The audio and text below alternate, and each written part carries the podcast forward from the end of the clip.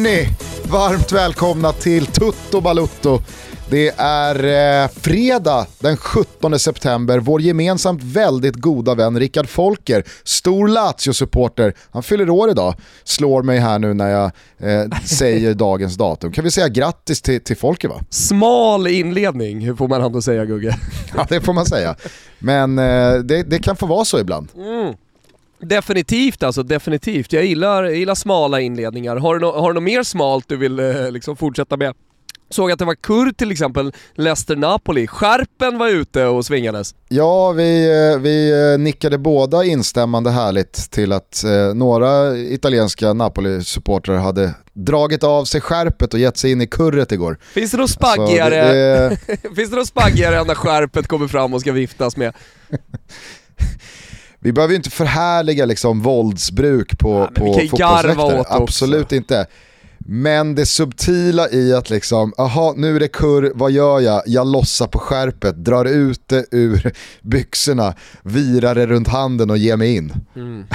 det, det, finns något där, det gör ja, det verkligen. Ja men det finns det verkligen. Alltså, eh, du vet när förfiltrerna kom typ 2009 efter att Rashidi, polisen, eh, blev mördad nere på Sicilien. Eh, då, då började man också liksom ta av supporterna skärpen för att de inte skulle slåss med skärpen. Så att eh, när man, eh, oavsett om man åker på bortamatch eller hemmamatch, eh, så i det här staketet som var då förfiltret som man skulle gå igenom först, så hängde det alltid typ tusen skärp. Så folk fick inte gå in på arenan med skärpet, de var tvungna att hänga av sig, de fick bara plocka det på vägen eh, tillbaka sen. Det är ju Italiens motsvarighet till att man här hemma i Sverige måste skruva av korken på petflaskan. Ja men verkligen alltså, verkligen. Och så hör ni, skruva av korken grabbar.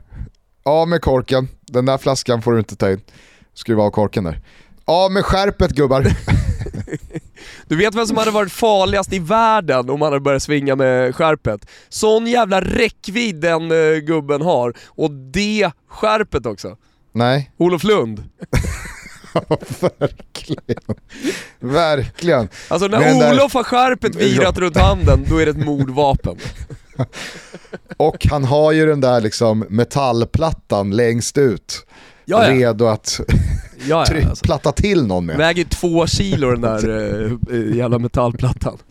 Ja, jag var på uh, Olofs uh, bokrelease i, i uh, går eftermiddag kväll. Ja, jag hörde på rösten uh, Han har släppt ny bok. Ja, jag hörde på rösten. Ja, Ja, ja. Det var inte ja, bara det var, tre, det var en trevlig kväll. Eh. Gugge, det var inte bara, det var inte bara eh, bokcirkel, sitta och läsa högt ur eh, Olof Lunds bok, det var en del annat också. Det var det icke, men eh, det var väldigt, eh, det var väldigt trevligt. Eh, och vi kan väl plugga för eh, Olofs bok.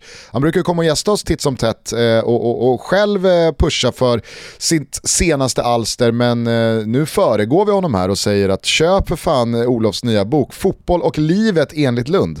Ah, där han går tillbaka tillbaka under hela sin journalistiska karriär och ja, eh, lyfter på eh, stenar och luftar lite tankar. Jag är mycket spänd på att sätta tänderna i den här boken. Hur spänd är du på att sätta tänderna i eh, dagens svep? Nej men ruskigt spänd. Jag såg här hur du var ute och tuppade dig lite på Twitter i, i veckan. Alltså. Att eh, svepet efter en sån här Champions League-premiäromgång, det sköter Wilbur. Såg när det jag... krävs lite klass på grejerna. Ja, exakt. Alltså, man får ta tillfället i akt när man, när man nu poddar med en eh, världsstjärna. ja. Nej. Världsstjärnan eh, borta på Tegluddsvägen. Det är jävla profilering alltså, herregud det är Nyhetsmorgon och Efter Fem och fan du är överallt just nu. Då får man passa på att tuppa upp sig lite. Ja, då, då, då, kan, jag, då kan jag väggspela tillbaka. Jag, pratade lite, jag träffade Disco igår. Jaha, vad säger han då? Äh, han, hyllade, han hyllade dig stort och eh, han var helt tagen av eh, din genialitet eh, att dra igång Hockeytutto. Ja, han sa Thomas är ett geni. Ja, men det, det har faktiskt fått en flygande start. Ni som gillar hockey och lyssnar på det här alltså, det är bara sappa över till Hockeytoto. Ny podd ute och så vidare. Kul! Men nu, svep. Svep, och får jag bara säga det Gusten? Kimpa, det här ska alltså läggas som sveputto. Jag missade ju det sist Gugge. Det, det, jag, noter, jag noterade det, och så lilla galna emojin som ja. bortförklaring. Oj då. Ja, eh, smekmånaden med Kid är över. Alltså, nu, nu, nu, nu finns det ingen förlåtelse längre. Säg som Sparven. Smekmånaden är över! Prestera, prestera! Exakt. Sparven har ju dragit skärpet ett par gånger. ja, verkligen. Smekmånaden är över! Oh, prestera, prestera! Hörni, nu eh, tar vi Champions League-veckan då som en liten summering i Sveputto. Äntligen! Äh, men vi säger äntligen för nu är den här och med Champions League eh, sparkar vi också igång säsongen på allvar. Rulla hymnen Kimpa! Kände ni hur huden knottrade i tisdags? Nåja, en smula kanske. För er med kort minne kan jag i alla fall berätta att allt började med de något pittiga tidiga matcherna som man faktiskt inte riktigt lärt sig köpa än. Sevilla Salzburg och Young Boys Manchester United sparkade igång alltihopa. Och i Schweiz vet jag inte riktigt vilken take jag ska ta. Jag menar, Ronaldo gjorde ju 1-0 till Solskärs gäng, men redan i den 35 minuten fick Wan-Bissaka syna det röda. Man kan tycka att United borde gjort det bättre med det laget och allt vad det innebär. Men samtidigt, en man mindre, trots allt Champions League och alla ni som lyssnat på Tutski CL vet att Young Boys inte är något dussingäng. Hur som helst så vände de på kalaset och Jordan Sebatjö smällde in 2-1 på stopptid och skrällen var alltså ett faktum. Jag drar såklart inga säsongsväxlar gällande United av den här matchen, men konstaterar trots allt att de hade kunnat gjort det bättre. Mycket mycket bättre även med 10 man. Sevilla-Salzburg då? Ja, kanske inte helt eh, supersexigt. Eh, rött för Enesyri i den 50 minuten, men spanjackerna lyckades stå emot den österrikiska energidrycksjätten och rodde i land en pinne. Senare på tisdagen lyckades Atalanta ta en pinne, eller ska vi kanske vända på det och ge underdog-titeln till Villarreal? Ah, Bergamo får den. Bergamaskerna kvitterade sent i en underhållande match. Underhållande var det väl knappast i Kiev där Benfica deffade hem en poäng till Portugal i ett förmodat tidigt bottenmöte. Vi hissade tidig varningens flagg för Barcelona, som välkomnade Bayern München med sitt megalag. Och det visade sig inte vara helt dumt. 3-0 Bayern och det är svårt att inte landa i att Barcelona går en jävligt tuff framtid till mötes. Bayern däremot, allt stämmer, inga frågetecken, allt bara lirar. De kommer bara fortsätta mangla. Vidare då, Chelsea gjorde jobbet, men inte mycket mer än så. Vann 1-0 mot Zenit. Eh, givetvis luckan som målskytt. Och ska man säga något om den matchen matchen så är det just ord om Lukaku som ska vara centrala. När man vinner matcher åt sitt lag, när tunga treor tas via ens egna mål, ja då är man per definition världsklass. Nu visste vi visserligen det innan, men det verkar som att det måste slås fast några vänder innan hela jävla PL-runket ska förstå detta. Vi noterar lilla krysset i Lill Wolfsburg och att Malmö är lite för små för den här stora kostymen. På onsdagen, ja men nu är vi på onsdag hörni. Ja, då fick vi se Sheriff eh, spela drömfotboll. Mm, nåja. Men 2-0 mot Shakhtar är fan en duktig skalp som på något sätt faktiskt kändes lite sexig. Ah, Gugge? Dortmund fick en tuff resa i Turkiet, men med en sprakande Jude Bellingham och hålet i ständigt toppslag, ja då kan inga turkar i världen stoppa dem. 2-1 och kanonstart för tysken. Kanonstart fick också Ajax, som fortsätter att imponera, lyssna nu, och befästa någon slags kontinuitet och storklubbsaura i Europa. Ja, men jag känner lite 90-talsvibbar kring eh, Ajax. De är liksom äkta och inget tillfälligt, om ni förstår vad jag menar. 5-1 mot Sporting. Det var fan wow. Inter spelade bra, men Simone Inzaghi fortsätter att kännas tunn och otillräcklig i de här sammanhangen. Visst, det var ett oförtjänt mål i slutet av Real Madrid, men jag blev inte förvånad. Låt oss vara tydliga. I Manchester gjordes nio kassar när Leipzig eh, kom på besök och det är väl kul? Eller? Jag tycker nog mest det är lite tramsigt att hålla på sådär. Håll tätt för fan och visa lite mästarförsvar Pep Guardiola. Att ni kan framåt, ja men det visste vi alla sedan innan. Kanske hårt att kritisera och det är väl härligt med en eh, propositiv fotboll som italienarna säger. Men låt mig i alla fall här i svepet vara lite borellig. Nio mål? Nej, det är inte för mig. Pochettino? Vet du vad Gugge? Han har fan allt att bevisa för mig. Och låt mig konstatera, och det är verkligen inte bara för att det var 1-1 borta mot Klubb Brygge på onsdagen. Utan låt mig bara konstatera att Pochettino har allt att bevisa i PSG. AM fick bara 0-0 trots alla offensiva pjäser i truppen mot Porto. Och Ruben, ja den som säger att Porto ska kryssa en massa, den lever. Och som den lever. Slutligen då, Liverpool-Milan. Värsta 15 minuter typ man har sett av Liverpool. Men fotbollsmatcher, de varar längre än en kvart. Big up Milan, ni är på riktigt och grattis Pool. Det kändes mäktigt att se den här matchen. Det kändes mäktigt att se Liverpool och Milan mötas i Champions League-sammanhang. Kanske var det hela omgångens match. Milan är tillbaka, och med det menar jag inte Berlusconi-era tillbaka, men på något sätt ändå tillbaka. Va? Är ni med? För det antar jag att ni är.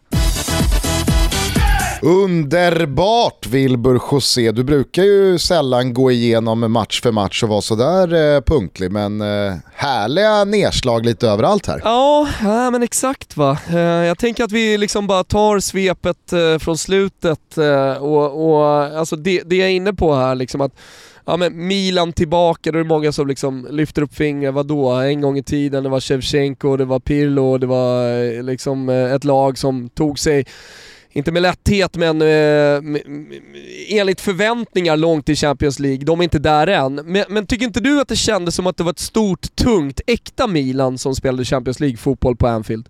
Nej, faktiskt inte. Alltså, Alltså jag upplevde nog mest att eh, det, det, fanns en jävla rimlighet och symbolik i att Milan var tillbaka i Champions League. Och vi pratade väldigt mycket om Milan och Manchester United i senaste avsnittet om att, att man har börjat närma sig eh, en svunnen tid och att man tar steg för steg. Och att Milan har inlett på, på, på ett sätt som knappast nog är liksom förvånande längre i Serie A. Och att man nu tror att man kan hävda sig i Champions League. Och sen åker man ju på en jävla smäll när Zlatan inte kommer till spel. Och när man väl skickar ut det laget som man gjorde och det ser ut som som det gör, då kände i alla fall jag att visst, roligt att Milan är tillbaka och de hör hemma i Champions League, men det är en jävla bit de har kvar att gå eh, för att hävda sig mot de allra bästa lagen, där jag absolut räknar in Liverpool. För att även fast Milan alltså, visar att fotbollen är fantastisk och att eh, det, det spelar ingen roll hur, hur siffrorna och statistiken ser ut, Vissa dagar så bara trollar man fram två mål och så leder man i pausen då. Så var det ju en fotbollsmatch som i 85 minuter handlade om att Liverpool bara sköljde över Milan. Det var, det var ju, alltså, det, det, man blev ju anfodd av de där första 15-20 minuterna. Eh, och andra halvlek var ju, bara, det var ju bara en tidsfråga innan kvitteringen skulle komma, innan ledningsmålet skulle komma. Nu stannade vi 3-2 och det är ju smickrande siffror för Milan, får vi ändå säga. Ja okej då. Ja, ja, men hela min take på Milan dog där. Ja, det var ju kul. Uh, men, men vet du vad Gust ja, vad, Gusten? Hur, vet du vad? Hur, hur, kan du ha en annan take undrar jag? Nej men alltså jag, jag, jag, jag tycker att Milan kändes eh, så pass bra i den här matchen att de kan hävda sig, för jag håller Liverpool så jävla högt. Och att de ändå kunde liksom gå in i den här matchen och vända på det, leda 2-1 och ändå stå emot den där initiala pressen någorlunda. Ja, jag vet inte hur mycket de gjorde det, men skitsamma. Alltså jag tyckte det kändes, det var, det var en aura på Milan här som, som eh, osade något slags, någon slags här svunnen eh, mästartid. Det, det tyckte jag och det, det, det får du tycka vad fan du vill. Farfetch alltså. jag, är nästan, jag är nästan sugen på att knäppa upp skärpet här och dra ut det. Gå till attack. Italien-runket igår. Nej men alltså det fanns någonting med Jag tycker också att det kan vara värt att påminna eh, liksom dig och eh, de som kanske eh, ser på glaset som halvfullt här från Milans håll. Att Liverpool går in i den här matchen och medvetet vilar van Dijk, medvetet vilar Mané ändå så liksom bara kör de över Milan. Ja men Totalt. jag kan säga så här, vet du vad? Jag kan vända på det också och säga så här, hade van Dijk startat mot Zlatan, eftersom de hade Zlatan borta också, visserligen inte medvetet men trots allt, då hade Zlatan ätit ja. upp van Dijk. ja, ja. Det, det, det, det är ju förhoppningsvis... Är Zlatan är viktigare för Milan än vad van Dijk är för Liverpool. Ja, det kan jag nog eh, eh, hålla med om, absolut. Sen så är ju eh, den där eh, hypotetiska taken någonting vi förhoppningsvis får ett svar på eh, senare i höst eh, när, när de möts på San Siro. Eh, men det var ju jävligt trist att Zlatan inte kom till spel och nu verkar det väl rapporteras om att han missar Juventus-matchen också till helgen och då börjar man ju så smått undra vad fan är det som händer egentligen? Che diavolo hai? Det är så rubriken ja. lyder, första sidan på, han har ju fått några första sidor genom åren Zlatan, men eh, jag, jag har Gazettan här framför mig. Che diavolo, aj, vad fan är det du har Zlatan? Ah, vad fan är det med dig? Och hans ord är då att han nu kommer lyssna på sin, sin fysik utan att tro att han är Superman. jag måste säga att det, det är lite härligt och, och fräscht att det, det, det kommer en bris av liksom ödmjukhet här och en, en annan kommunikation från Zlatan själv. Det har ju varit lejon i ett par år här nu och eh, Stålmannen som han själv snackar om. Eh, samtidigt så skickades det ut bilder efter målet mot Lazio i söndags på hur knät såg ut där i maj efter operation och hur det ser ut idag när han rullar in bollar i, i mål igen. Han har skickat ut bilder på sig själv i bara, bara Uber och, och spänt de nya musklerna. Och så dyker de här skadorna, jag vet inte, det, det är någonting som oroar här. Ja, jag, jag vet inte, alltså, så han har haft jävligt många skador. Eh, det har varit vad, eh, det har varit eh, ja, men knät, det känner alla till, det har varit eh, ljumske. Eh, det, har, det har varit ännu högre upp mot eh, en slags eh, liksom magtrakt eh, och det, nu, de här skadorna pratar vi bara om de senaste året. Så jag menar så här, det är klart att åldern på något sätt eh, tar ut sin rätt. Och, eh, han, han tränar så jävla hårt, han vill vara eh, i, i så perfekt fysiskt slag när han spelar fotboll och det, det kanske helt enkelt inte kroppen pallar. Men nu, alla kanske inte är med på det, men så är det alltså en inflammation i eh, vänstra hälsenan, eller hur? Jag har bara förstått att det är strul med en hälsena. Ja, men det är någon slags inflammation ser jag står i gazetten. Ja, vi får väl hoppas att eh, Zlatan är, är tillbaka här eh, illa kvickt både för Milan och för landslaget och för den här Champions League-säsongen. Jag tror att när, eh, alltså jag frågade Kim Källström och Micke Lustig om det här i, i, i studion inför matchen, att tror ni att Klopp valde att vila van Dijk när han fick beskedet att Zlatan inte skulle vara med? Mm. Jag vill ju tro det, att när, när, för det kom ju ut ganska tidigt att Zlatan kommer inte vara med i truppen. Eh, han kommer inte spela mot Liverpool. Att Klopp då kände, skönt, då kan, jag, då kan jag passa på att vila van Dijk. Men jag tänker liksom så att van Dijks fysik har väl inget med Zlatan att göra. Eh, och jag menar så här, behöver han vila efter hans svåra knäskada för att inte åka på massa bakslag så som Zlatan åker på bakslag här nu? Det är väl inget konstigt. Men eh, det, det, vet ju bara Klopp eh, och det, det, det, fysiska teamet i Liverpool. Men det är ju ingen dum tanke som du ändå bollar upp här. Jävla otrolig match i alla fall, det måste jag säga. Eh, det, det, var ju, det var ju Champions League när Champions League är som allra bäst i den här fasen. Det finns ju många som genom åren, över tid, har börjat liksom droppa av från gruppspelsfasen för man tycker att det är, det, det är lite för skiktat. Det finns två lag som kommer gå vidare hur man än eh, spelar och dyker upp. Och så finns det två lag som bara är lite strykpåsar och de slåss om en tredje plats och går vidare till Europa League och så vidare.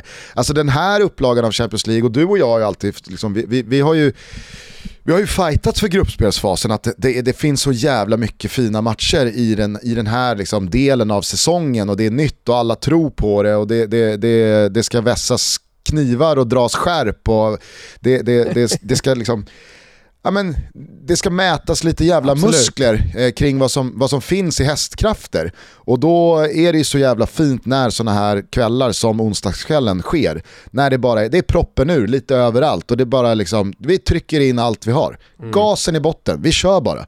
Mm. Ja, det, det, det, var så här, det, var, det var en känsla av att Liverpool, Milan, eh, läktarna, alla vi som tittade på, man bara, man, man bara åkte med. Man rycktes med i någon jävla liksom så här, rock'n'roll på högsta volym. Ja men det är kanske den känslan eh, jag egentligen söker med Liverpool-Milan-matchen. Alltså att det, det, det, det kändes stort, det, det blev eh, dramatiskt, en match som liksom vände i eh, eh scenarior och alltså, eh, ett Liverpool som liksom bara manglar, Milan som slumpartat ändå kommer tillbaka och sen så vinner Liverpool det där i slutändan. Alltså det är någonting med de matcherna som, som, som vänder så många gånger. Eh, det, det, är nästan, det är nästan som en egen liten bok liksom, eh, en match. Du vet vissa, vissa matcher, eller många fotbollsmatcher är så enkelriktade idag. Uh, och, mm. och liksom, ja, men det börjar på ett sätt och det slutar på samma sätt som det, det började. Men den här matchen kändes som att ja, men den, den hade så många ansikten och, och, så många historier att berätta i efterhand. Och det, ja, men det kanske är exakt det jag, jag, jag på något sätt söker när jag säger att Milan är, är tillbaka. Att de ändå bjöd, bjöd på det, Milan. Är du med? Hörni, en Lyman är ju med oss, nu är det höst och då är det viktigt med jackor. Och inte minst då hybridjackorna. Jag har ett par faktiskt. Eh, min absoluta, absoluta favorit är från Parajumpers. Det finns hur många märken som helst. J. Lindeberg är ju Gustens favoritmärke. De hittar ni också på en Men som ni känner till, många olika varumärken. Parajumpers, Thomas spår, J Lindeberg, Gustens spår. Se till att tjacka en ny jacka, men gör det med vår exklusiva kod som vi har skapat tillsammans med eh, NLY-man. Toto20 ger nämligen 20% på alla jackor, men också på hela sortimentet på sajten. Gör det nu, det här kommer inte vara för evighet. Jag säger stort tack till NLY-man. Vi är denna vecka sponsrade av Korauta och eh, vi börjar närma oss slutet på golv och färgveckorna. Nu är det dags! Hitta golv till precis alla rummen. Jag håller på och lägger på hela övervåningen och eh, det är både billigt med Korautas golv, men också riktigt, riktigt hög kvalitet. Jag valde ett parkettgolv. Ni får välja vad ni vill. Gå in på krauta.se och börja kika runt lite eller gå in i ett av varuhusen. För nu är det faktiskt 20% på utvalda golv, men även på färg.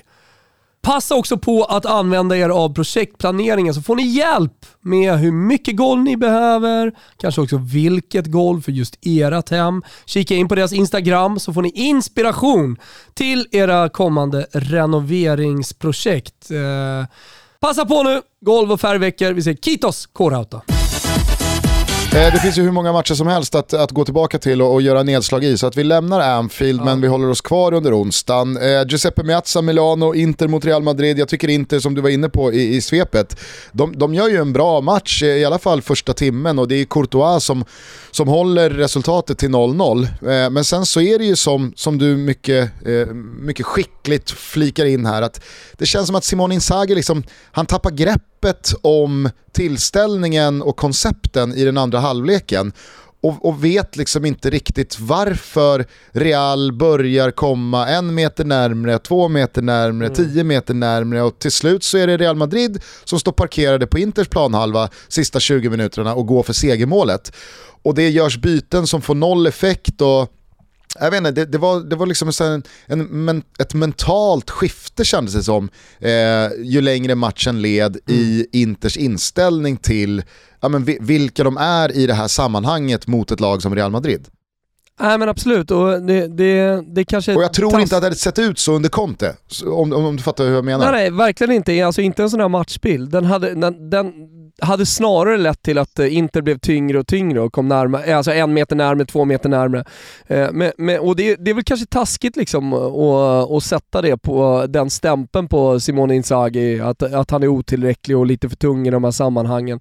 Men, men jag kommer i alla fall ifrågasätta honom fram till den dagen han motbevisar mig. Och återigen, kanske lite taskigt att, eh, eh, att lägga det här på honom, Eh, ett sent mål, det hade kunnat bli 0-0, Eh, inte glada, Real Madrid är inte jätteledsna. Men för mig måste Simone Inzaghi bevisa sig på den här nivån. Och eh, förlorar man, eh, fotboll är resultat, förlorar man hemma med ett sent mål mot Real, tyvärr, då, då fortsätter han att vara den tränaren som måste bevisa sig på, eh, på den här nivån. För mig i alla fall. Jag tycker också att Real Madrid fortsätter bevisa att de är Real Madrid och att jag och alla andra som sitter och liksom jag vet inte, gnugga någon spåkula i tron om att det väntar någon mellansäsong och oj oj oj vad håller de på med, vad illa alltså, vet. Ja. de, de, är, de är för sjuka Real Madrid alltså. Ja. Ja, det, det... Nu, nu, konstaterar vi här, fem matcher in i säsongen, att man har tappat två poäng i ligaspelet, man har alltså 10 av 12 möjliga och då har man spelat tre, tre bortamatcher, man har smält in fem bollar mot Celta Vigo, man har gjort 13 mål totalt, man har slagit Inter på bortaplan i Champions League och mer eller mindre säkrat eh, avancemanget som gruppetta i och med att man vinner den svåraste, tuffaste matchen. Eh, man har öst in mål, man har fått fart på Kamavinga direkt, han gör mål i debuten, han hoppar in här och spelar fram Rodrigo. Eh, man har eh, fått in David Alaba som mittback. Det noterade, alltså, jag, jag, jag tyckte ändå det var liksom, jag vet inte, envist av Carlo Ancelotti att ställa upp en backlinje mot Inter på bortaplan med då Nacho, en felfotad Nacho som vänsterback och Alaba som mittback. När man så enkelt kan liksom fasa in Alaba som mittback och få tillbaks eh, ordinarie vänsterbackar eh, vad det lider. Men nej, det ska in med Alaba i mittlåset och så får vi sätta högerfotade Nacho där på vänsterbacken istället. Och, och, och han kommer undan med det. Man lämnar med 1-0 och det är nya poäng på kontot och Benzema ser hur bra ut som helst och eh, Valverde och eh, mittfältet bara liksom slaktar. Nej, fan, jag, tror, Men, tror jag aldrig ska liksom, jag tror jag aldrig ska tvivla på Real Madrid igen. Nej, och du säger Real Madrid alltså, är det en som man kanske aldrig ska tvivla på? Och, och jag tror nog man tar honom för givet lite för mycket i Carlo Ancelotti. Alltså det, det, det är lätt att liksom bara prata om de tyska energitränarna och det är Klopp och eh, som Nagelsmann på väg upp och eh, Antonio Conte här, Roberto Mancini där. Alltså Ancelotti glömmer bort lite när man pratar om de absolut bästa tränarna. Koll, eh, du, du nämner ju inledningen här, vad fan är jag, vad har han gjort då? Han har spelat in Kamavinga som du säger, ung, ung, kommer in ny i det här Real Madrid-laget och ändå så liksom, det bara rullar på så tar man det för givet. Alltså man, man tänker, ja det, det är Real Madrid, men det är, inte, det är inte bara Real Madrid. Det är Carlo Ancelotti som får det här pianot att bli självspelande och att, eh, att eh, ja, men, vara så jävla bra som de är och självklara. Ja, ja det, det, det, är, det är exakt så det är. Mm. Jag vet inte riktigt när jag började känna att Carlo Ancelotti började liksom falna. Men det har han ju inte gjort. Nej men han har ju inte gjort det, men liksom såhär, han hamnar i någon mindre klubb och sådär. Så man, man, håll, håll med om att man glömmer bort honom lite när man pratar om de största. Han är sällan med där, men han ska definitivt vara där. Och, och, och, det här är väl också det yttersta beviset på att Ancelotti ska vara i en klubb som Real Madrid, inte i en klubb som Everton. Med all respekt för Everton. Absolut, absolut. Nej men så är det ju. Eh, om eh, Ancelotti har fått en jävla eh, snurr på, på grejerna och bra start på, på sin nya sejour här i Real Madrid så måste man ju säga att Jesse March, den omhuldade, uppsnackade Jesse March, alltså såg du hans ansiktsuttryck när City tryckte in de sista kassarna på ett ja, ja, ja, ja. Det var, det, var, det var nästan så att man liksom tyckte lite synd om honom. Och då har man ju svårt liksom, by default att tycka synd om en amerikan eh, i ett liksom, eh, energidryckskonglomerat. Eh, ja, jo, så är det ju. Det är inte jättelätt att tycka synd om en jänkare i ett sånt sammanhang, men ja. det var fan nästan så att man tyckte synd om Jesse March där i, i, i onsdags. Mm. Jag märker att du tar eh, en annan infallsvinkel på den här matchen än vad jag gjorde i svepet. Ja, Alltså jag kan väl tycka att eh, det, det, det, finns något lite halvpikt att eh, gå emot när, när fotbollsmatcher liksom ballar ur fullständigt och det går över 5-6 mål. Å andra sidan, som jag sa, det, det, är ju någonting med Champions League-kvällarna när det spårar ur fullständigt och man bara liksom första kvällen vill, vill visa hur mycket motor det finns under huven. Jo, det är klart och det får väl vara så liksom en, en Champions League-kväll. Eh, men, men det blir lite för mycket spektakel eh, för mig eh, när, när, när, det görs så jävla mycket mål. Ja, ja, men tillåt ja, mig vara eh, lite liksom Borelli då som jag sa i svepet. Tillåt mig ja, vara lite det, det får man absolut liksom. vara. Jag tror att det är det är, inte, det, är det är säkert det är många som, som, som känner så också. Det är inte på det där sättet han vinner en kvartsfinal, det är bara det jag säger, så behöver man inte dra större växlar än så. Men, men, men han får nog tänka till lite. Hur mycket såg du av eh, Klubb Brygge mot eh, PSG? Nej men jag såg ganska mycket, jag hade det på den eh, på, på datorn. Så ja, otroligt svag prestation. Ja, det var det jag skulle fråga dig. Hur mycket tycker du att liksom varningsklockorna ska klämta jag ska vara försiktig här i och med att jag ofta upprepar att eh, man inte ska vara som bäst i september utan snarare framåt eh, mars-april och, och, jag står verkligen för det. Eh, så det kanske då är ett gott tecken att eh, PSG är lite nedträdande, det är ja, men, vet, nya spelare som har kommit in, det tar lite tid eh, för att få igång allting. Eh, men, men jag tänker ändå vara eh, lite cynisk och jag tänker ändå liksom fortsätta att eh, eh, vara lite skeptisk till Pochettino.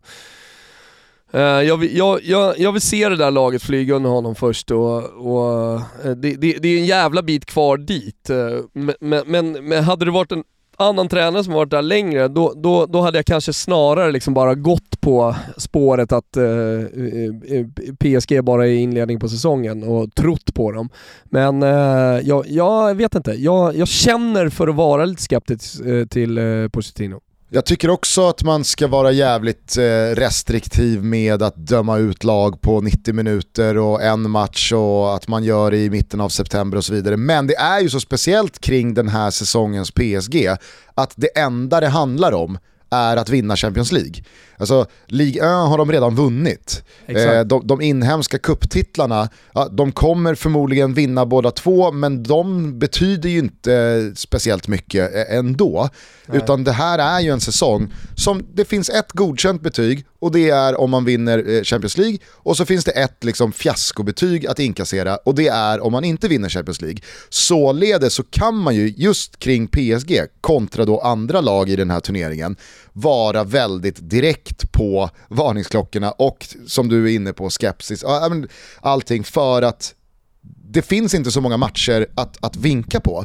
Nu börjar man med en svag prestation men också två tappade poäng mot Klubb Brygge. I nästa match möter man City. Det är ju faktiskt redan lite liksom måste-läge. Framförallt så får man inte förlora den matchen. För förlorar man den matchen, då har man lyckats på 180 minuter sätta sig i en situation där, man, där hela säsongen kan alltså dö i ett dubbelmöte mot Leipzig. Och då är vi, då är vi i oktober. Mm. Således så kan man ju vara jävligt drastisk när det kommer till PSG. Absolut, och det, det finns liksom eh, ingen tid att vara dålig. Som under ett mästerskap lite grann, eh, Champions League-hösten. Speciellt när, när ja. lagen är så bra, när gruppen är så tuff och ett Leipzig finns där. Eh, som man vet kan eh, chocka över 90 minuter, eller chocka över 90 minuter, kan göra en bra match över, över 90 minuter. Jag tycker liksom stundtals även mot eh, City, trots att det är en ganska klar förlust, att, att man, man, man gör det bra. Framförallt bevisar man ju att man kommer att vara farliga mot PSG. Så jag, jag, jag håller med mm. dig och, och, och därför, därför måste man nog, alltså inte bara jag, vara lite kritiska till Pochettino och eh, eh, varningsklockorna ljuder nog lite. Alltså det, det, är en otrolig match som väntar om två veckor där med, med PSG City.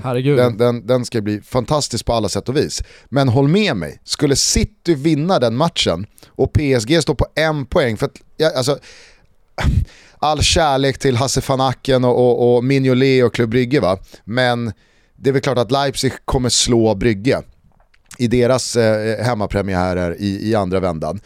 Om PSG då står på en poäng när de ska möta Leipzig i ett dubbelmöte, omgång tre, omgång fyra, mm. eh, på en poäng. Eh, då, då har ju Pochettino satt sig i ett läge där hela säsongen ligger i potten här nu. Mm. Hela säsongen. Mm. Hela projektet. Ja, men det, det, det som är så härligt också med de Nasser här drar ju skärpet eh, i omklädningsrummet. här Mauricio, ja. det här väntar. Det här väntar om du, om du fuckar upp det här nu. Ja. Ja, och så börjar man tänka på det här eh, tränarskiftet också lite grann, gör man inte det? Ja, Torshäll var ju trots allt där. Ja, absolut, absolut. Men jag tycker också att det finns, kanske inte jätteväxlar att dra och man ska inte liksom slänga sig med för stora ord, men det är någonting med Messis liksom uppenbarelse i PSG. Jag vill, inte, jag vill inte sträcka mig så långt så att, det, det liksom, eh, eh, att jag tycker att han ser vilsen ut. Men det är som att han liksom inte får att, han får inte att stämma och det ser ut på hans egna uttryck och, och, och kroppsspråk och, och minspel som att han inte riktigt fattar varför. Ja, exakt. Han är van med att allting eh, bara lirar för honom, men eh, i, i, PSG så måste han nog, jag, jag, tror att det, jag tror att det handlar om det, han måste kämpa för det. Han måste kämpa för att komma in i det. Och har man spelat i en klubb i hela karriären så, så är det nog svårare än man tror att eh, bara åka och prestera trots den omgivningen som finns i PSG. Eh, och sen så tror jag att han är lite mentalt härjad också eh, för det som har varit. Och han, ja. han, har liksom inte hittat rätt i omgivningen och jag tror att, han, jag tror att det är tufft för honom. Eh, det kommer väl i en bok sen, ja. men, men eh, alltså han, han är trots allt bara människa om man får vara så klyschig. Sen vet jag inte vad du säger, men jag tyckte ändå att det, det, det fanns en, en, en, negativ take på den andra halvleken när då Mbappé har fått utgå skadad, men eh, när det är då Messi som ska göra det. Hur tydligt det blir vilket jävla resursslöseri det är att ha Neymar på plan. Han kommer han kom ju bort fullständigt. Oh. Alltså, I det där läget hittills så har det ju varit Neymar som får bollen. Här, nej nej, lös det. Nu är det du som ska liksom luckra upp det här och rädda oss och, och, och skjuta hem poängen till Paris. Men i den andra halvleken, i sista 20-25 minuterna när det är då liksom mycket mer givet att klubbrygge sjunker tillbaka och, och, och, droppar djupt för att slå vakt om den här pinnen och PSG som ska trycka på. Ja men du, Messi ska ju ha bollen och Messi får bollen. Men var är Neymar någonstans då? Kommer, kommer det där mönstret upprepa sig lite väl ofta? Att man känner, jaha, man har alltså Neymar att tillgå, men han springer runt och inte har bollen. Ja, men det är väl mycket med PSG som fortfarande liksom måste sätta sig. Och det, går man in i, i en fotbollssäsong med de värvningarna, med den satsningen, då, då, det, det enda man ser framför sig mot Club Brygge, det är, det är 20-0 mer eller mindre. Det är Harlem Globetrotters som ska in och, och, och dunka från halvplan. Men eh, när, det, när det inte sker, och det, fan, det finns något fräscht i det också med att fotbollen är mycket mer komplex kanske då än, om vi nu gör eh, eh, kopplingen eller eh, jämförelsen, liknelsen med, med basketen. Att, och det, det är kanske det som gör fotbollen så jävla fin också, att eh, det, det, det går inte att liksom bara köpa till sig klara segrar. Nej. Det är fint. Nej, där skulle jag säga att, där skulle jag säga att fotbollen sticker ut gentemot ja. Eh, de andra stora sporterna. Ja, men jag tror det. Jag tror faktiskt det. Det finns ju en anledning till att när LeBron James eh, lämnar eh, en, eh, alltså jag vill säga klubb, och så ja. tänker jag, heter det klubb i NBA? Lag. Ja, men du vet, alltså, eh, det finns en anledning till att eh, LeBron James och några till i, i, i basketen i NBA när de flyttar och, och byter lag, alltså, då, då, då, landar det laget i final. Mm. Och det ja, handlar det... om en, kanske max två spelare. Ja. Det, det, går ju inte i, det går ju inte i fotbollen. Nej, och inte Juventus liksom försökte ju med Cristiano Ronaldo. Mm. Nej men det går inte. Eh, så det är fan pikt. Det känns, det känns härligt. Ja. Att fotbollen liksom biter tillbaka mot eh, PSGs eh, stjärngalleri Exakt. och eh, Harlem Globetrotters ja. försök. Toto är denna vecka sponsrade av Max Burgers. Hörni, ni vet George Costanza, vår loser-favorit i Seinfeld va? Som Gugge alltid tjatar om, inte minst. En av hans mest klassiska repliker, hur lyder den? Worlds colliding. Han nu är säkert Gugge bättre på att härma honom. Hur som helst så är det i Georges fall någonting uteslutande negativt eftersom hans sociala världsdelar håller på att krocka och rasera hans verklighet. Men tänk nu att Max Burgers nya Korean Barbecue också är Worlds colliding, men på ett helt omvänt, uteslutande positivt sätt. Tänk er svenskt kött mellan färskt bröd som möter majonnäs, saltgurka, friterade lökringar, färsk koriander och Korean barbecue-sås. Äh men sick! Seouls bakgator, bao buns och koreanska aromer. Äh men ni hör ju själva. Korean barbecue finns just nu på menyn och alla Max-restauranger. Lätt att beställa via appen och givetvis tillgänglig även med de gröna alternativen halloumi och plant beef. Kom ihåg, Worlds colliding, fast på ett bra sätt. Vi säger stort tack till Max för att ni är med och möjliggör Toto Balutto. Vi är sponsrade av Rocker. Ni vet appen där man samlar finansiella tjänster i en och samma app. Ja, men det är en slags utökning av din bank, dina kort och eh, för all del dina köp med nya smarta funktioner. Men inte bara det, nu finns också Rockerkortet som man enkelt fyller på med Swish Perfekt att ha med sig eh, på sina utomlandsresor nu när man kan börja resa igen. Eh, det är gratis reseförsäkring som ingår utan självrisk och gäller för dig och din familj eller upp till tre polare. Kortet kan kopplas till Apple Pay eller Google Pay så man kan lämna plånboken hemma. Just nu har Rocker en superduper kampanj för alla nya kortkunder. Det här härliga mattsvarta kortet med eh, genomskinliga inslag eh, kommer att dra till sig blickar, men framförallt så får de 20 000 första som skaffar sig Rocker-kortet och genomför tre köp innan den sista oktober. 500 spänn påladdat på kortet. Ja, det är helt otroligt. Ladda ner appen idag. Rocker heter den och den finns kostnadsfri i App Store och i Google Play. Vi säger stort tack till Rocker som är med och möjliggör Toto Balotto. Eh, du nämnde det i svepet där, eh, kan väl bara eh, fylla på då, då med i Ajax-segern där borta mot Sporting 5-1. Sebastian Allaire, mm. fransmannen som exploderade i Eintracht Frankfurt, gick till West Ham. Jag och många andra trodde nog att han med alla sina centimeter och kilon skulle göra det riktigt bra i Premier League. Lämnade ju med svansen mellan benen, blev Ajax dyraste nyförvärv någonsin och gjorde alltså i förrgår Champions League-debut med fyra mål. Det är bara Marco van Basten som har lyckats med samma bedrift. Och då hade han spelat Europacup innan, så det, var liksom, det, var, det var Champions League-debuten eh, för eh, Marco van Basten. Säger ändå en del om hur, eh, hur få spelare som har lyckats med fyra kassar i sin Champions League-debut. Men vi måste vända blad här i kalendern så vi inte missar tisdagen så att den liksom bara försvinner. Nej. Bayern München, vilken jävla muskelflex. Jo men vi sa det innan, alltså, vad fan ska hända här nu? Ska de bara åka och vinna med 6-0? Det blev inte 6-0, men 3-0 och som du säger, alltså helvete vad man spände musklerna och vad tydligt det blev att eh, Barcelona har en sån jävla tung tid framöver. Och då menar jag inte att de inte kommer vinna matcher eller vara med i toppen i La Liga, men, men återigen, man förväntar sig att de ska vara med och vinna titlar oavsett vilket lag de har. Alltså det är där vi har Barcelona, det är topplag men eh, är så skadade. De är så skadade av allt det här som har hänt. Eh, och det, blev, det blev smärtsamt tydligt tror jag för alla Barcelona-supportrar. Sen är det ju otroligt att se alltså, spelare som kommer fram i Bayern München. Alltså Musiala eh, tycker jag ser, äh, men han, han, är, han, är, han är så fin så att det är, ja. det är löjligt. Ja. När det sker i den här turneringen också, då finns det inte heller någon, någon brasklapp för att jo, jo, men vad fan det här är, det här är allsvenskan eller det här är holländska ligan eller det här är, det här är mot eh, Hellas Verona i Serie A. Alltså, vänta, vänta med till att och, och dundra ut högsta betyg tills man har mätt sig med de allra största. Men kolla på Musiala, på Jude Bellingham, på Kamavinga. Alltså det, det är 17-18-åringar som... Alltså, jag, jag, jag, jag fattar inte hur man kan vara så långt framme i den åldern. Nej, det är faktiskt helt otroligt. Uh, och, och, så, uh, jag skulle säga så redo för den här scenen. Ja. Man tänker att de, de behöver ett par säsonger uh, och fortfarande är unga 20 bassar, men, men att, de, att de är så redo och så självklara i ett Champions League-sammanhang, det, det är extremt jävla imponerande.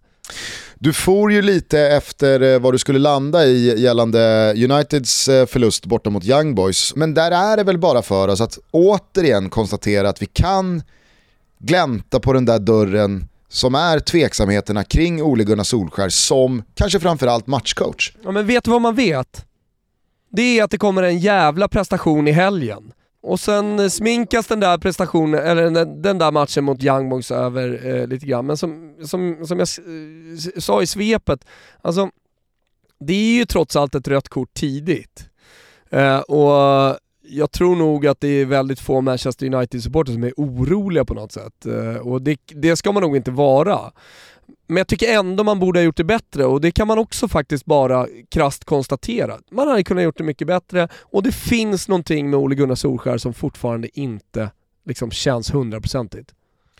Jag, jag, jag, måste säga att, att byta ut Cristiano Ronaldo med 20 minuter kvar vid ställning 1-1, en man mindre, då är det som att du, du ger ju så jävla mycket energi och bensin i det beslutet till det mindre laget som då känner Jaha, han tar ut Ronaldo nu. Vad fan, nu, nu, nu går vi för det. Mm. Fan gubbar, de, de, börjar liksom, de börjar hänga mot repen här nu. Mm. Nu kör vi. Jag, vet, jag tyckte att det var, så, det var så idiotiskt gjort att ta ut Ronaldo i det där läget. Och Bruno. Ja. Nej men vad är det för, du, vad är det för dubbelbyte att Jag- göra? jag- jag De har precis liksom kvitterat, det är 20 minuter kvar. Nej, jag tar ut Cristiano Ronaldo och Bruno Fernandes, sätter in Jesse Lingard och Nemanja Matic. Mm. Det är som att liksom så här, ja, eh, har ni tänkt att göra 2-1 så har ni 20 minuter på det här nu för att vi kommer minsann inte försöka ens gå för ett, ett vinstmål här. Och jag, eh, Ole Gunnar Solskjaer kom ju med orden liksom att man ska tillbaka och vara som gamla Manchester United, stora, tunga eh, och inte minst då i, i den, här, den här typen av matcher. Då, det, det är då jag Mm. tycker att eh, Manchester United bara liksom ska ångvälta. Vadå? Vi är tio man, spelar ingen roll. Vi kör bara över Young Boys. Men Eh, det är väl där han känns alldeles för liten då, eh, Solskär för, för den kostymen. Nu drar vi stora växlar, återigen rött kort 35 men ändå!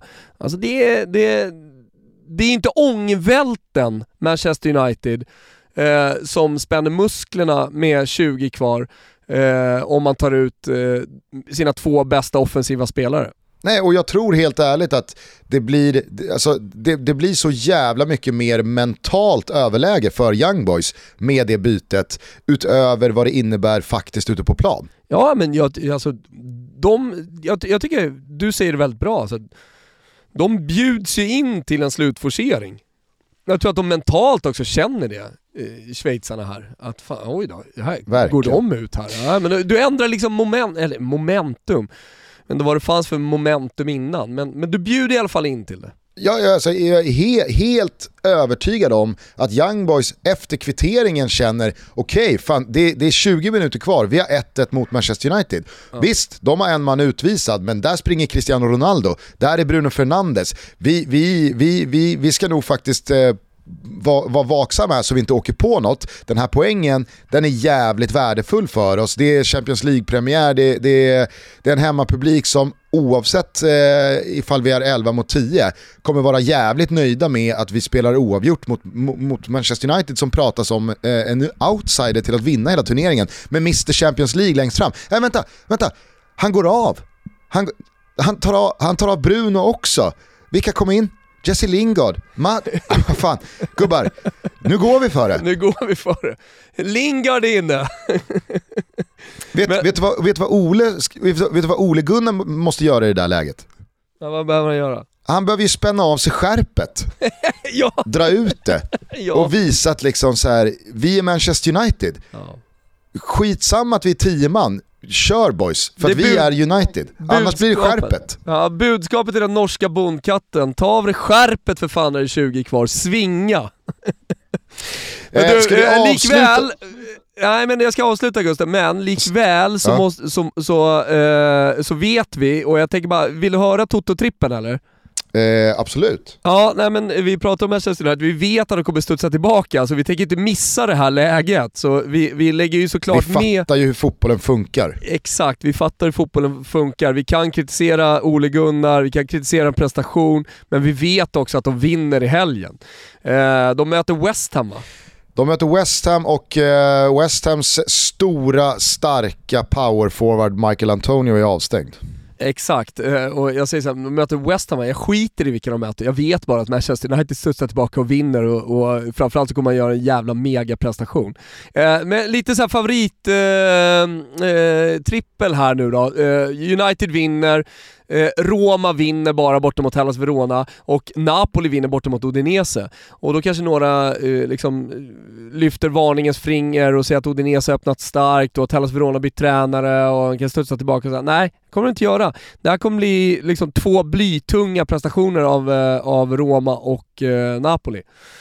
Känner du inte det i hela magen? Alltså Roma, Ro, Roma känns för bra nu, eller hur? Med, de, de vinner på övertid liksom. Det, det är moral och det är självförtroende. Man behöver inte göra 3-0, man vinner ändå liksom.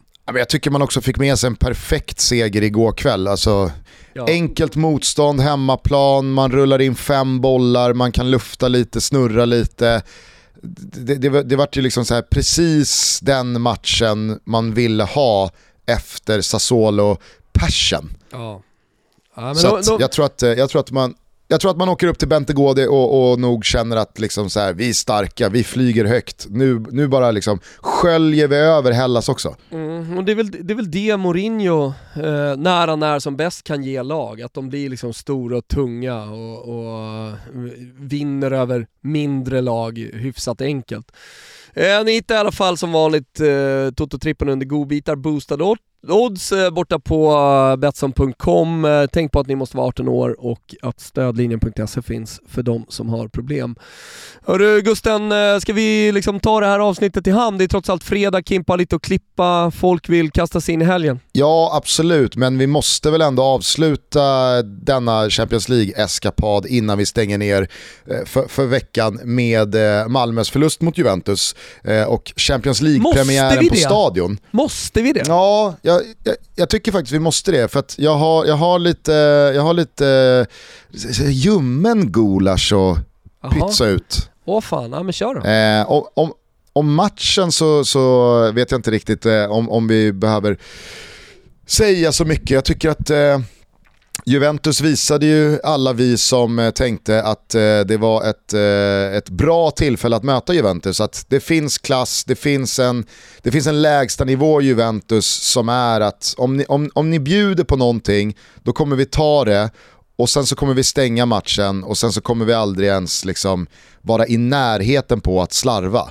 Eh, där, där, där, tycker jag att Juventus imponerar och, och jag, jag jag, jag, jag, fan, jag, jag, blev lite, jag blev lite imponerad av Juventus i, i, eh, i mm. tisdags. Eh, I deras liksom sätt att ta sig an den här matchen, hur självklart det såg ut och att man nu liksom ger sig själva möjligheten att starta om den här säsongen, slå Milan i helgen och så, ha, och så har man helt plötsligt fart under vingarna igen. Ja, men det, jag tror inte man ska ta för lätt på den segern. Alltså det, det, det kan mycket väl Malmö borta alltså ha varit, eh, ja men inte säsongsdefinierande eller säsongsvändning, men förstår du, det, det, det, det, behövde ju, Juventus behövde den prestationen.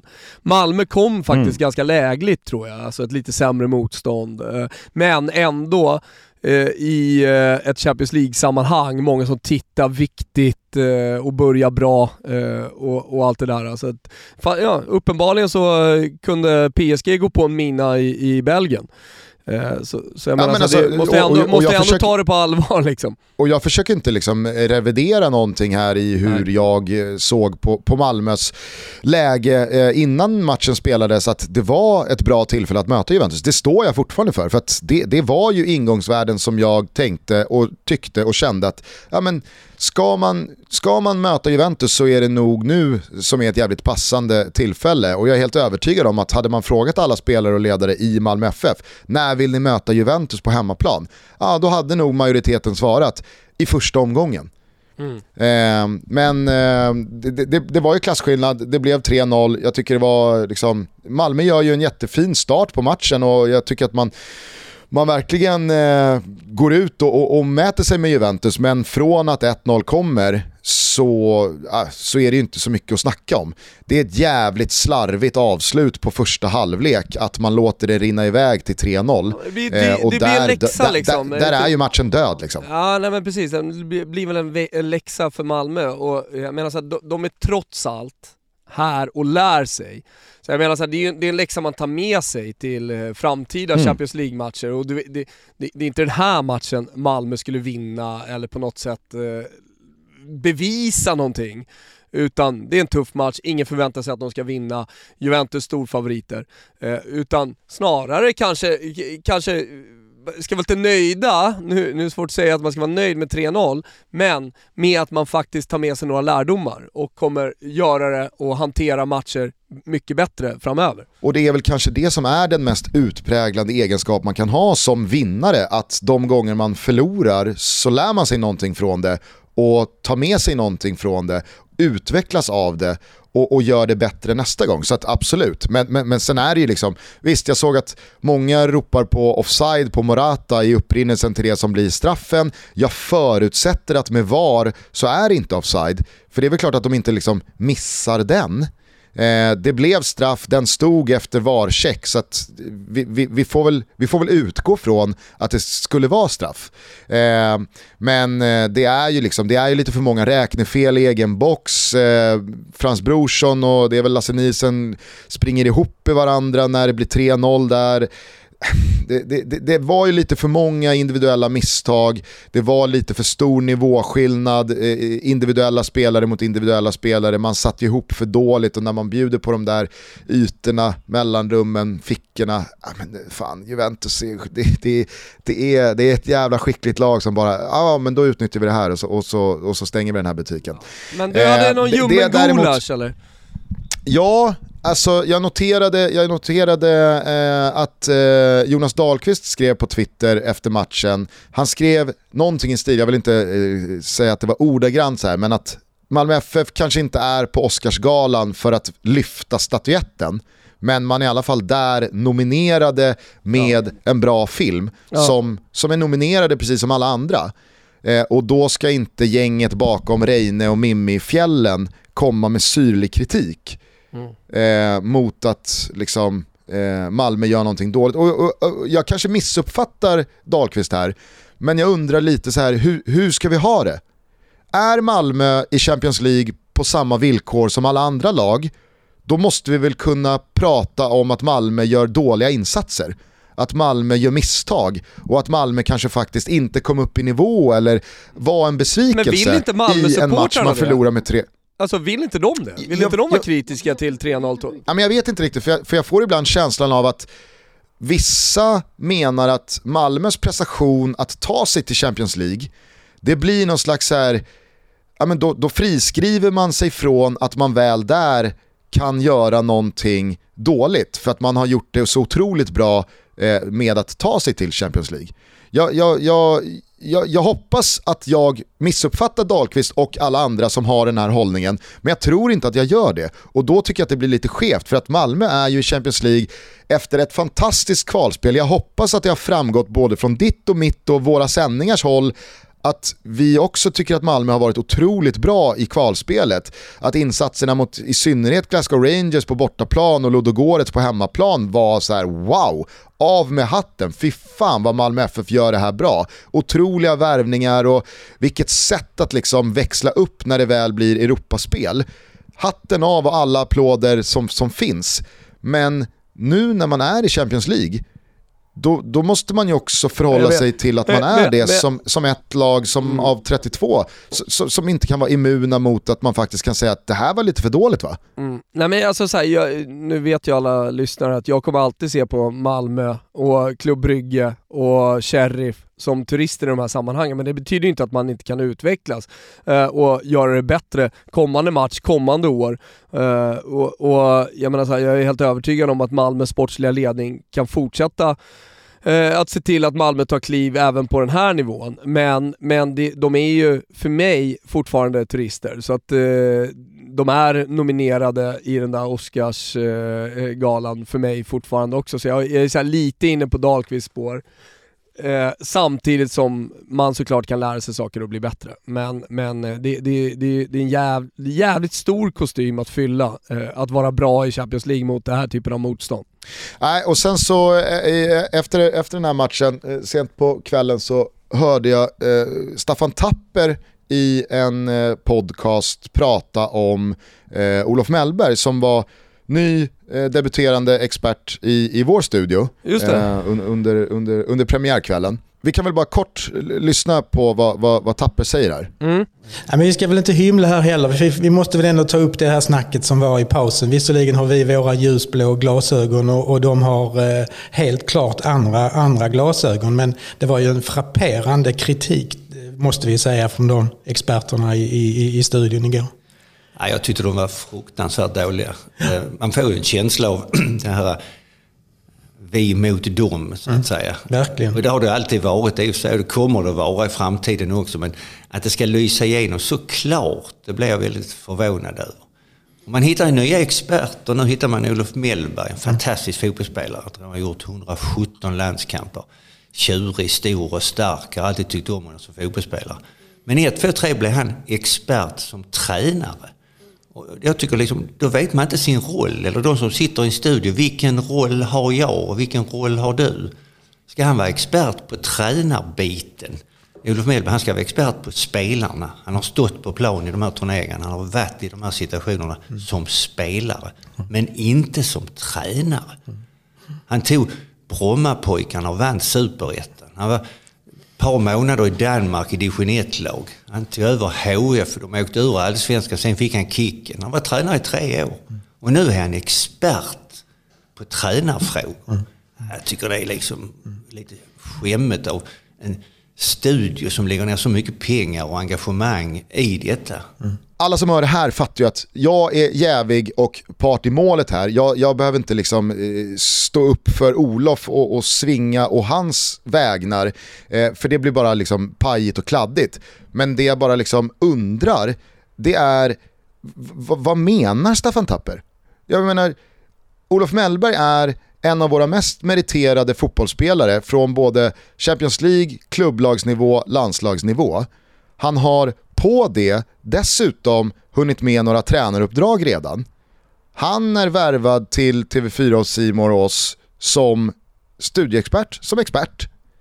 Och i den rollen så säger han vad han tycker. Mm. Det tycker inte Staffan Tapper att Olof Mellberg har liksom rätt att göra. Han tycker inte att han ska vara där. För att han tycker att Olof Mellberg har liksom jag, ja, men då, jag, då, jag, inte, då, då kan liksom du inte ha åsikter om fotboll överhuvudtaget. Du får ingen ha åsikter i slutändan. Jag kommer ihåg jag satt med en i Eurotalk eh, eh, förut så, som eh, hela tiden, så fort det dök upp en diskussion, eh, liksom, tog ner det med att vi vet inte för vi är inte på träningsplanen, vi är inte i omklädningsrummet så vi kan inte ha åsikter om det här.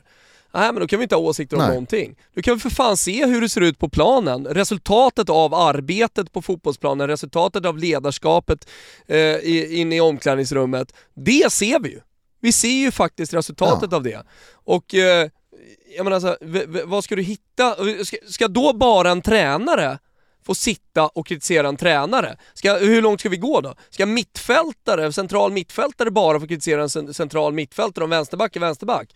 Eh, och, och då, då, är vi eh, tyckare kring fotbollen eh, begränsade med att vi bara får tycka om andra kollegor då eller? Jag tycker också att det är en helt hjärndöd utläggning och eh, nu, nu vet jag att det är många som kanske liksom vänder på det här och menar på att, eh, ja eh, men vadå, det är Simor och du är där, precis som du är inne på. Men, men alltså ta bort det i två sekunder och lyssna på vad fan han säger och eh, ta in liksom det stora perspektivet här. Att man inte ska få eh, kritisera för att, man in, för att Olof Mellberg inte har gjort bra prestationer som tränare så ska inte han få tycka om en annan tränare. Det är så idiotiskt jag vet inte vad, vad, vad jag ska ta vägen om jag ska vara helt ärlig Gusten. Och det har ingenting att göra Nej, med att blir... du jobbar med, du vet hur kritisk jag är.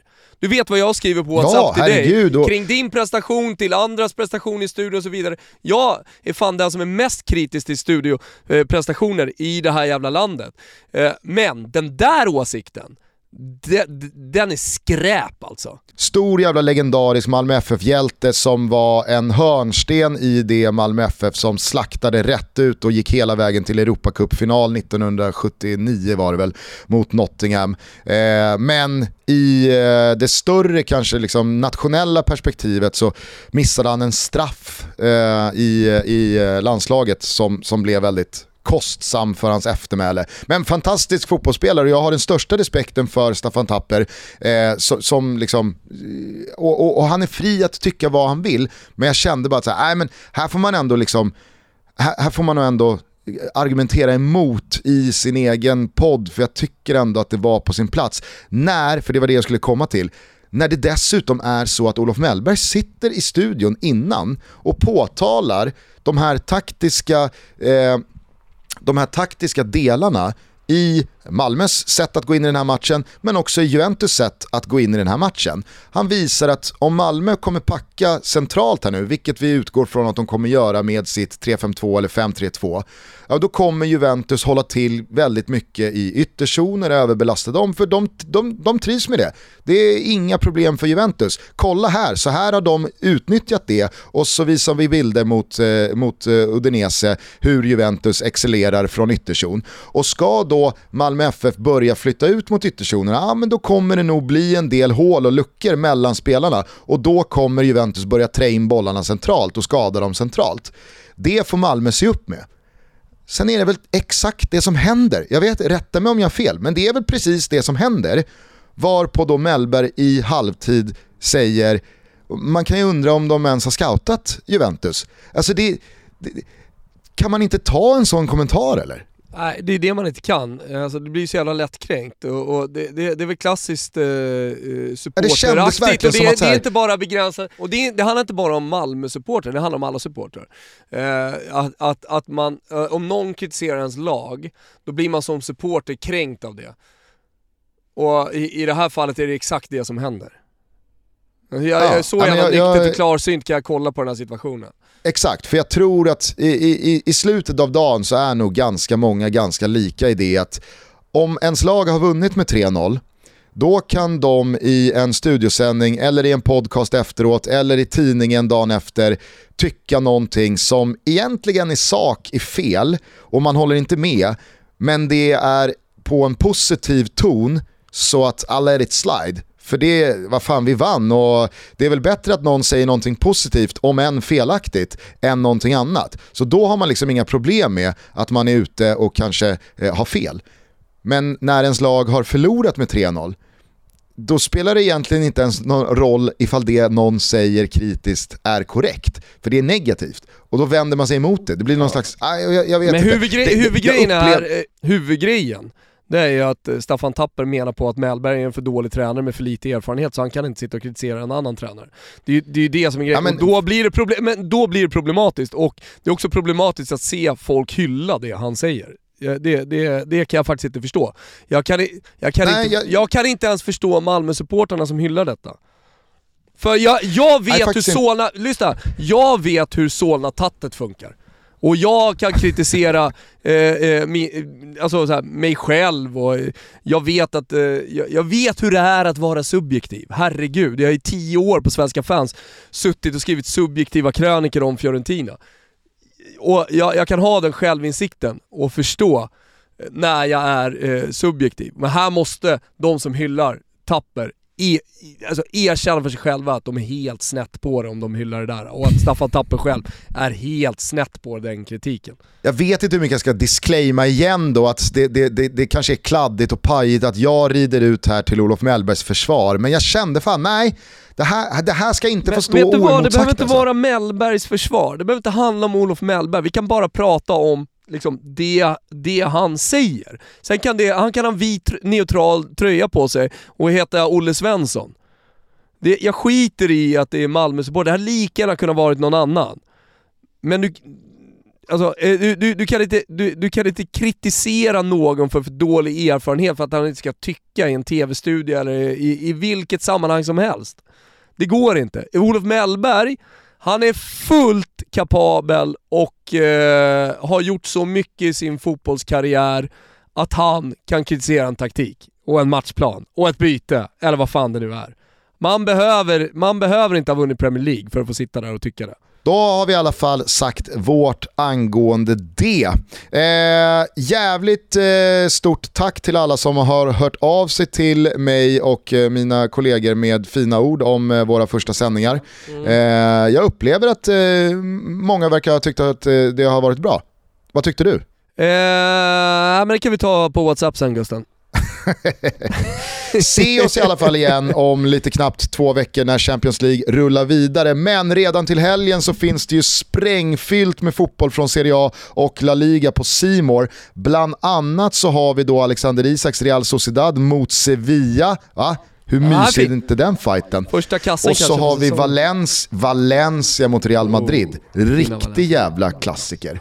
Eh, från italienskt håll så missar vi inte Juventus mot Milan. Vilken smällkaramell. Ja, vi ska ju jobba in en Toto-trippel där med Roma-Napoli också, så det, det, finns, det, det, finns väldigt mycket fotboll att jobba så att säga i, i den här helgen. Gå in på simor.se sport, skaffa GOAT-abonnemanget för 299 spänn i månaden så får man alltså all fotboll från Serie A all fotboll från La Liga och så kan man streama all fotboll från Champions League. Det är lite för bra för att vara sant, men det är sant. Jajamensan. Så att, eh, det är bara att kliva in och eh, klippa till. Vet du vad du ska göra nu Gusten? Nej. Eh, du ska ut, ta med dig en boll, ska du trixa lite med den bollen. Det är nämligen så att vi har en tävling tillsammans med Pepsi. Eh, den ligger på Instagram och vi har lagt den på Twitter också. Hashtag TotoPepsi är det som gäller. Eh, bästa tricks vinner en partykylväska från Pepsi Max med inbyggd högtalare. Vilken jävla grej alltså. Man får gärna ta med sig en Pepsi Max Mango när man gör sina tricks. Man får gärna använda sig av den nya smaken Pepsi Max Mango som har större chans att vinna den här tävlingen. Den är för övrigt jävligt god, den ska du testa Gusten. Men ut med dig i någon eh, park eller om du är i Hattudden och gör några jävla tricks och skicka ut. Jag lyder order, jag ger mig ut. Illa kvickt. Ja men det är härligt. Eh, ha en jävla trevlig helg hörni, så hörs vi igen på måndag. Det gör vi. Ciao tutti. Ciao Toto. Yo, klockan var sex, kom precis hem från systemet. Festen var på med det glada beskedet. Brudar skulle komma vid nio tiden ungefär. Samling vid torget, självklart var jag där. Knäckte en kapsyl i väntan på gussar Den första kom ner och jag delade ut pussar En var chilenare, en var italienare. En var mulatto, den sista var zigenare. Chilenaren var den som mitt öga fastnade på. Jag såg hennes häck och tänkte den ska jag tafsa på. Jag sa mitt namn är Ken, trevligt att träffas. Ska ni med hem till mig och kanske börja festa? Tryckte ner hissen, åkte upp till sjuan. Hörde en röst som sa Vart har du frugan? Jag sa jag är singel och lever med mig själv. Jag ljög som fan och spelade snäll. Låste upp min lägenhet och plockade fram flaskorna vi var grabbarna som ville spruta satserna. Vi började sippa öl och drinkar. Volymen vreds upp och vi fortsatte hinka. En privatfest på andra sidan stan. Vi pumpar volymen och dricker som fan Backar med öl och flaskor med sprit. Sexiga brudar och hiphopmusik En privatfest på andra sidan stan. Vi pumpar volymen och dricker som fan. Backar med öl och flaskor med sprit. Sexiga brudar och hiphopmusik. Vi blev lulliga och vissa blev flummiga, vissa helt fulla. Och vissa bara slummiga Med ögonen röda. Började jag smöra Stämningen var knäpptyst, alla ville höra. Jag sa du eres la morge, mas hermosa del mundo. Ah yeah, allt var klart, nu var det bara att börja röra. Slita av kläderna och börja köra. Men det fanns ett problem som var stort. Hur skulle jag få resten att lämna min port? Jag viskat i Pookie, ey hjälp mig min vän. Få ut allihopa, kom till mig sen. Han tog dem till studion medan jag släckte lampan. Äntligen skulle jag få bärs den här slampan. Hon satte sig vid sängen och blev lite blyg. Jag gick dit och stoppa in ett finger i smyg. Hon stönade och knäckte sakta upp min byxa. Jag tog fram min penis och hon började trixa. Men med mun, hand, ägg och tunga Medan jag drog ner hennes trosor och knulla En privat fest på andra sidan stan. Vi pumpar volymen och dricker som fan. Backar med öl och flaskor med sprit. Sexiga brudar och hiphopmusiken. Privatfest på andra sidan stan. Vi pumpar volymen och dricker som fan. Backar med öl och flaskor med sprit. Sexiga brudar och hiphopmusik. Sista versen. Eh, här kommer satsen över hennes ansikte och hon sa tack hen Varsågod, ey vad var det du hette? Spelar ingen roll, du är ändå den perfekte. Lyssna, det här är ingen diss till kvinnor. Om bruden vill, ej så ser jag inget hinder. Jag rullar en spliff och saker klarnades. Vi bara softa, låg där och kramades. Efter en halvtimme gick hon till badrummet Nöjd och belåten på grund av lilla flummet drog på oss kläderna och gick ut Om det här var ett förhållande så gjorde jag slut. Hon var inte mätt, nej hon var hungrig. Vi gick ner till grillen, jag drog fram en hundring. Vi drog till studion och mötte de andra. Förorten Hässelby, här vill jag stanna. Privatfest på andra sidan stan. Vi pumpar volym.